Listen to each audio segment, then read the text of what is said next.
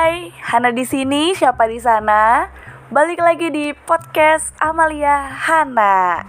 Nah, di episode ka, eh, di episode kedua, gila gue udah lama banget nggak buat podcast ya. Sebenarnya gue buat podcast sih guys, cuman gue buat podcastnya nggak di akun gue. Gue buat podcastnya itu di akunnya Legal Access. Jadi kalau misalnya kalian nemu podcast gue sekarang dan kalian uh, apa namanya kepo mungkin atau mau belajar lebih terkait dengan isu-isu hukum atau mungkin mau uh, kita belajar bareng nanti dengerin podcastnya legalaccess.id aja ya. Di situ pokoknya uh, apa namanya gue suka membahas tentang hukum lah sama teman-teman menti di legal access maupun nanti juga uh, bakal ada mentor-mentor gue yang juga akan sharing di podcast itu. Gitu jadi. Nah di podcast gue gue mau ngapain ya kali ini? Gue bingung. Oh ya kalian tau gak sih kalau misal ppkm diperpanjang lagi ya kan? Kalian kesel gak sih? Sama gue juga kesel banget. Sebenarnya gini sih guys. Gue tuh waktu PPKM diperpanjang sampai dengan tanggal 16 Agustus gue itu udah mau tag tag suara nih buat podcast. Cuman nggak jadi gitu.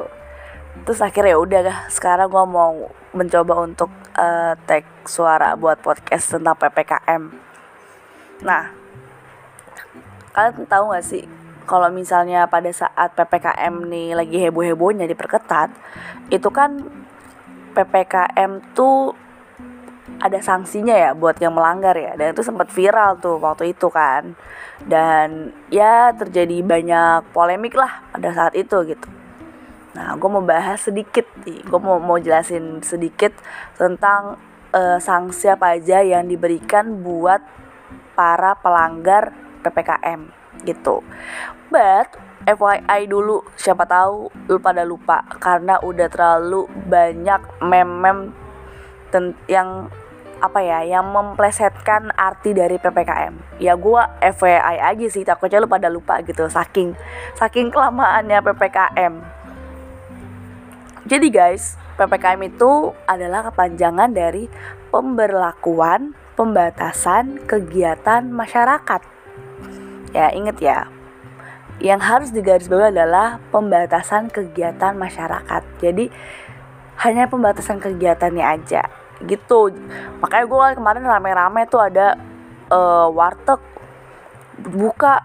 Yang dihancurin wartegnya. Bukan orang-orang yang pada beli. Gue suka heran deh itu. Kadang gue juga bingung siapa yang salah kayak gitu Nah, fungsi PPKM itu apa sih? Fungsi PPKM itu untuk membatasi kegiatan masyarakat. Eh tadi udah gue bilang ya namanya juga pemberlakuan pembatasan kegiatan ya pasti kan untuk membatasi kegiatan masyarakat.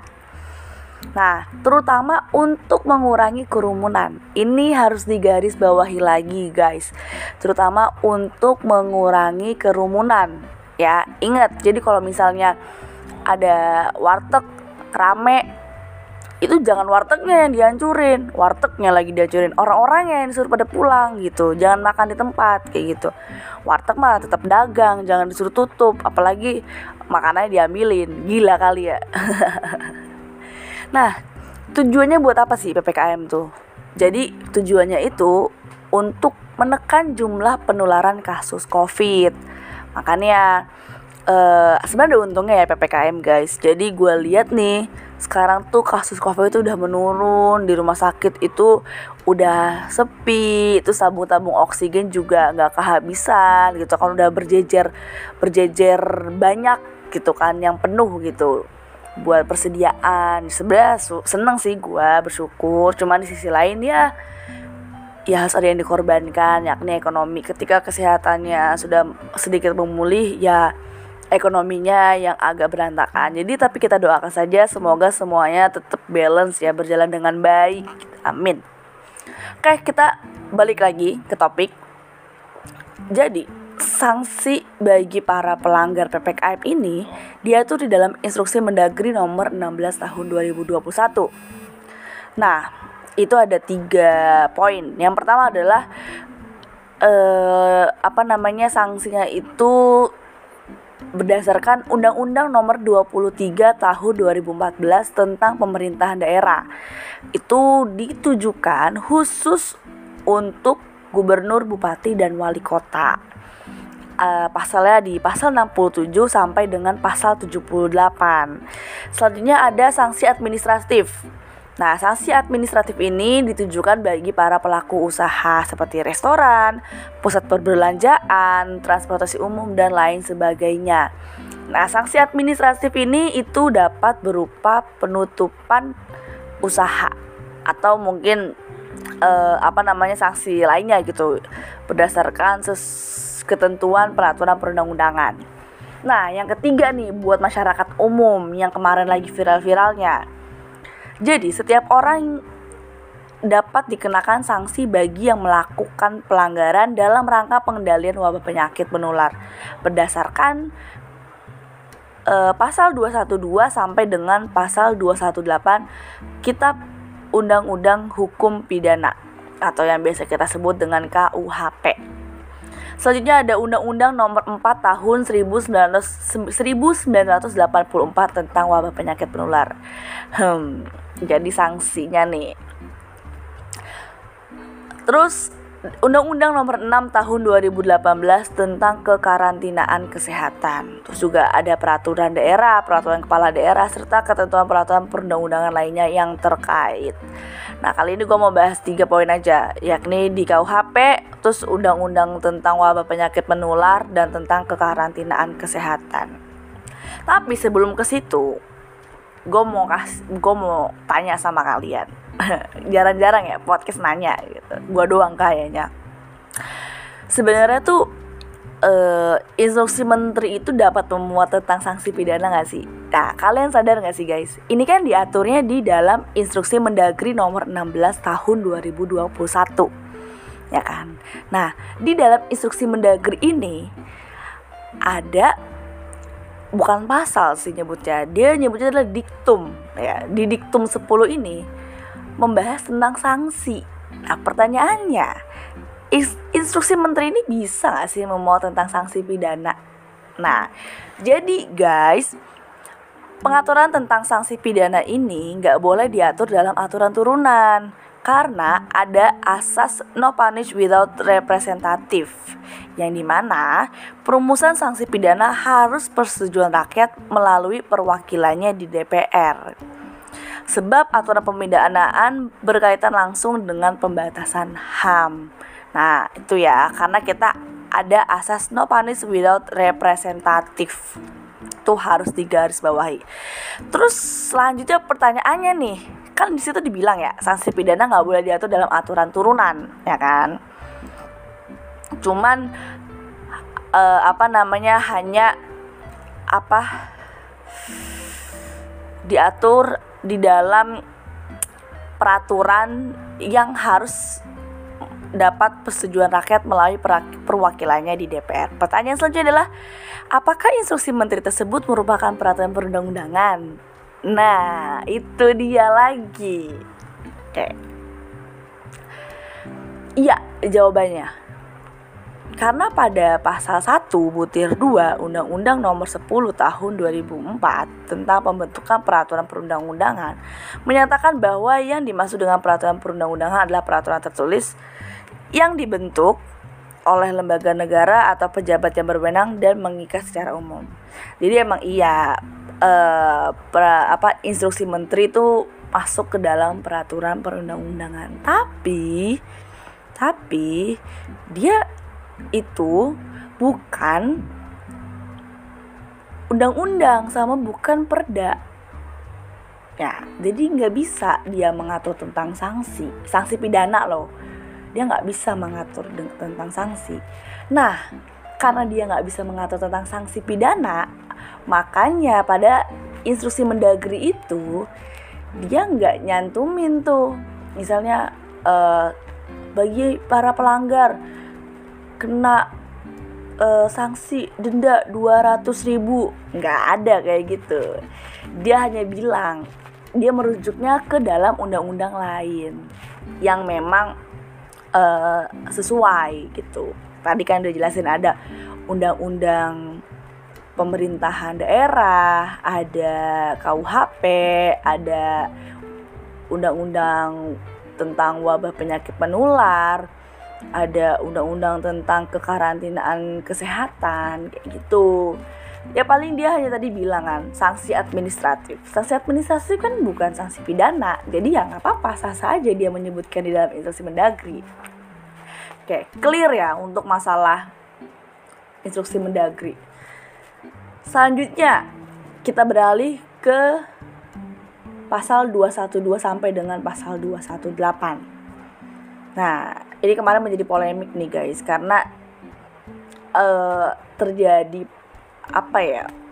perbedaan pendapat gitu. Sudah ada beberapa pendapat yang menyatakan bahwa pasal 212 ini nggak bisa dipakai untuk menakut-nakuti atau menjerat uh, apa namanya para pelanggar PPKM coba kita lihat ya. Jadi di pasal 212 KUHP ini di sana tuh bilang, barang siapa dengan kekerasan atau ancaman kekerasan melawan kepada seseorang pegawai negeri yang melakukannya yang melakukan pekerjaan yang sah atau melawan kepada orang yang waktu membantu pegawai negeri itu karena kewajibannya menurut undang-undang atau karena permintaan pegawai negeri itu dihukum karena perlawanan dengan hukuman penjara selama-lamanya satu tahun empat bulan atau denda paling banyak 4.500 ini dikonversi 4.500 dikonversi nah e, beberapa pihak menyebutkan bahwa ada unsur yang tidak terpenuhi dalam menjerat masyarakat yang tidak melaksanakan imbauan pemerintah, yakni unsur dengan kekerasan atau ancaman kekerasan melawan. Seperti itu. Cuma menurut kalian gimana guys? Apakah pasal 212 ini bisa untuk menjerat uh, apa namanya pelanggar PPKM atau enggak? next selanjutnya uh, ini gue bakal jelasin aja sih ya pasal-pasal yang emang apa ya menjadi polemik di masyarakat lah Next selanjutnya ada Undang-Undang Nomor 4 Tahun 1984 tentang wabah penyakit menular. Nah, pasal yang digunakan ini adalah pasal 14 ayat 1 yaitu barang siapa dengan sengaja menghalangi pelaksanaan penanggulangan wabah sebagaimana diatur dalam undang-undang ini diancam dengan pidana penjara paling lama satu tahun dan atau denda setinggi-tingginya satu juta rupiah. Nah, jika pemerintah menerapkan sanksi berdasarkan undang-undang tentang wabah penyakit menular, maka menurut gua itu ya pemerintah itu harus juga nih memperhatikan hak dan kewajiban yang diatur dalam undang-undang ini gitu. Jadi jangan sampai hmm, apa ya, jangan sampai hanya melihat sanksinya aja gitu. Kalau misalnya memang dia merujuk kepada undang-undang tentang wabah penyakit menular ini, ya menurut gua harus juga melihat tentang uh, hak dan kewajibannya. Yang pertama, ada di pasal 8. Yang pertama, kepada mereka yang mengalami kerugian harta benda yang diakibatkan oleh upaya penanggulangan wabah sebagaimana dimaksud dalam pasal 5 ayat 1 dapat diberikan ganti rugi. Nanti kita lihat pasal 5 itu isinya apa aja. Selanjutnya di kedua, pelaksanaan pemberian ganti rugi sebagaimana dimaksud dalam pasal dalam ayat 1 diatur dengan peraturan pemerintah. Nah, jadi menurut gua ketika pemerintah memang mau menerapkan sanksi berdasarkan Undang-Undang Nomor 4 tentang wabah penyakit penular ini, menurut gua mereka itu juga harus memperhatikan tentang kewajiban dan haknya. Selanjutnya kita lihat ya pasal 5-nya tadi. Nih, pasal 5-nya itu tentang upaya penanggulangan wabah. Upaya penanggulangan wabah itu meliputi yang pertama ada penyelidikan epidemiologis. Yang kedua, pemeriksaan, pengobatan, perawatan, dan isolasi penderita, termasuk tindakan karantina. Yang ketiga, pencegahan dan pengebalan. Yang keempat, ada pemusnahan penyebab penyakit. Kelima, penanganan jenazah akibat wabah. Keenam, penyuluhan kepada masyarakat.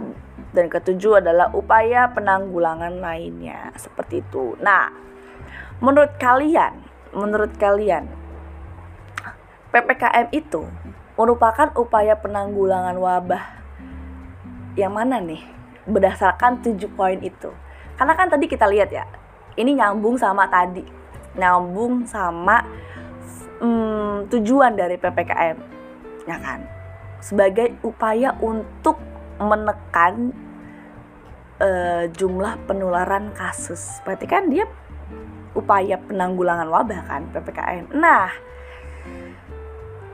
menurut gua tapi gua nggak tahu menurut kalian. Nah menurut kalian ppkm itu dia masuk nggak ke dalam upaya penanggulangan wabah? Kalau misalnya masuk dia masuk ke dalam poin berapa? Dan kalau misalnya dia masuk ke dalam poin tersebut berarti pemerintah itu harus uh, apa namanya harus memberikan ganti rugi. Ya kan? Cuman gue nggak tahu ya uh, bansos itu apakah bentuk ganti rugi pemerintah atau gimana gue nggak paham. Cuman uh, menurut gue adalah ganti ruginya mungkin yang gue tahu ya itu ya mungkin UMKM lah. UMKM waktu itu dapat uh, apa namanya bantuan. Ya mungkin itu bisa sebagai uh, apa namanya ganti rugi buat mereka yang mengalami kerugian harta benda. Cuman ya se Indonesia dong kalau kayak gitu. Dan harus merata. Tapi kenyataannya tidak. Next ada undang-undang yang terakhir ya Undang-Undang Nomor 6 Tahun 2018 tentang kekarantinaan kesehatan.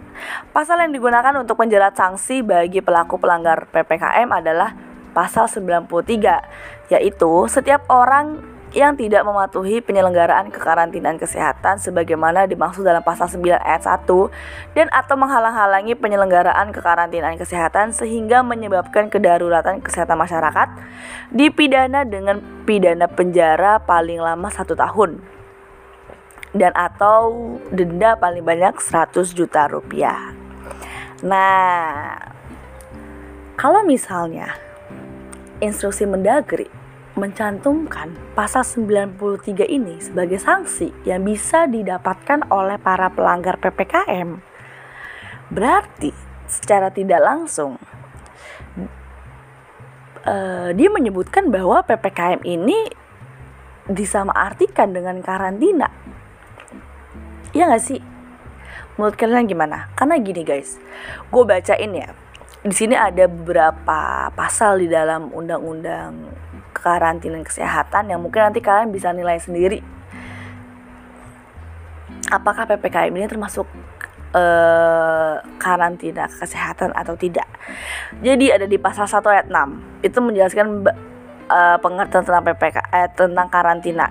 Di mana disebutkan karantina adalah pembatasan kegiatan dan atau pemisahan seseorang yang terpapar penyakit menular sebagaimana ditetapkan dalam peraturan perundang-undangan meskipun belum menunjukkan gejala apa pun atau sedang berada dalam masa inkubasi dan atau pemisahan peti kemas, alat angkut atau barang apa pun yang diduga terkontaminasi dari orang dan atau barang yang mengandung penyebab penyakit atau sumber bahan kontaminasi lain untuk mencegah kemungkinan penyebaran ke orang dan atau barang di sekitarnya.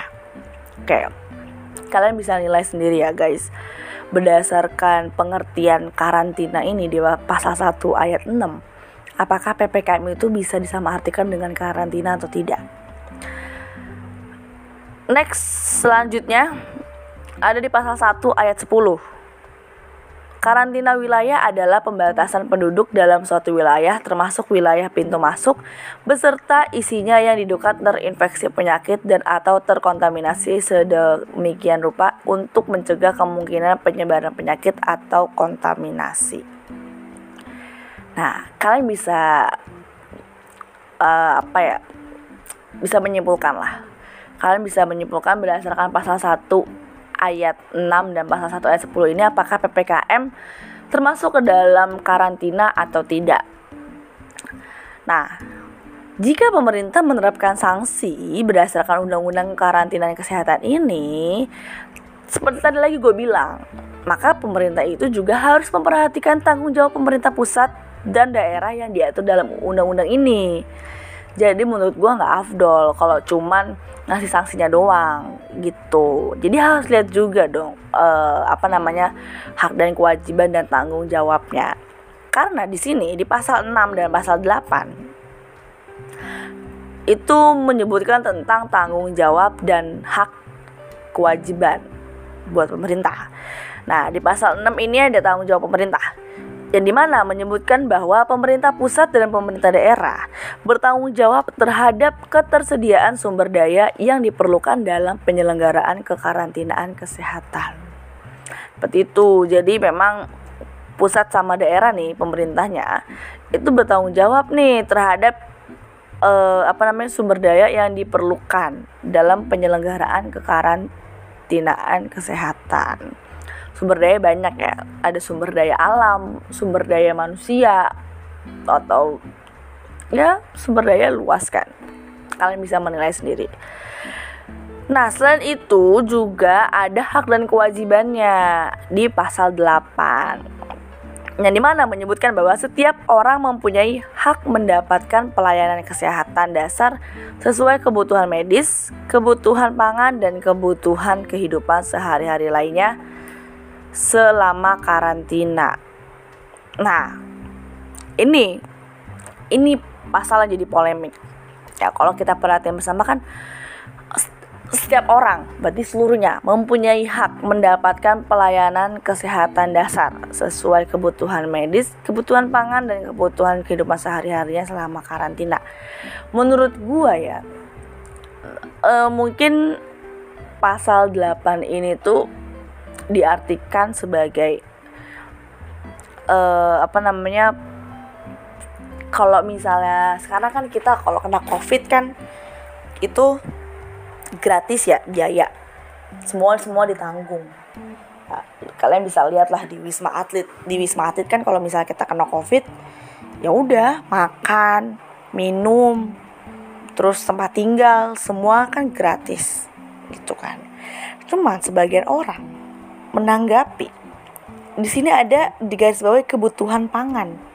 Jadi mereka tuh berpikiran ya e, pemerintah harus bertanggung jawab juga nih ngasih makan. Ngasih makan rakyat ya kan? Tapi kalau misalnya menurut gua di sini sebenarnya point of view-nya adalah pelayanan kesehatan dasar pelayanan kesehatan dasar. Karena ada kat, ada kata sambung sesuai kebutuhan medis kebutuhan pangan. Sesuai. Jadi mereka tuh harus dapat pelayanan kesehatan dasar sesuai kebutuhan medis sama kebutuhan pangan. Itu. Tapi menurut kalian gimana guys? Apakah uh, polemik pasal 8 ini itu pemerintah itu uh, apa namanya wajib nggak wajib ya benar wajib uh, memberikan kebutuhan pangan atau kalian punya pendapat lainnya oke okay?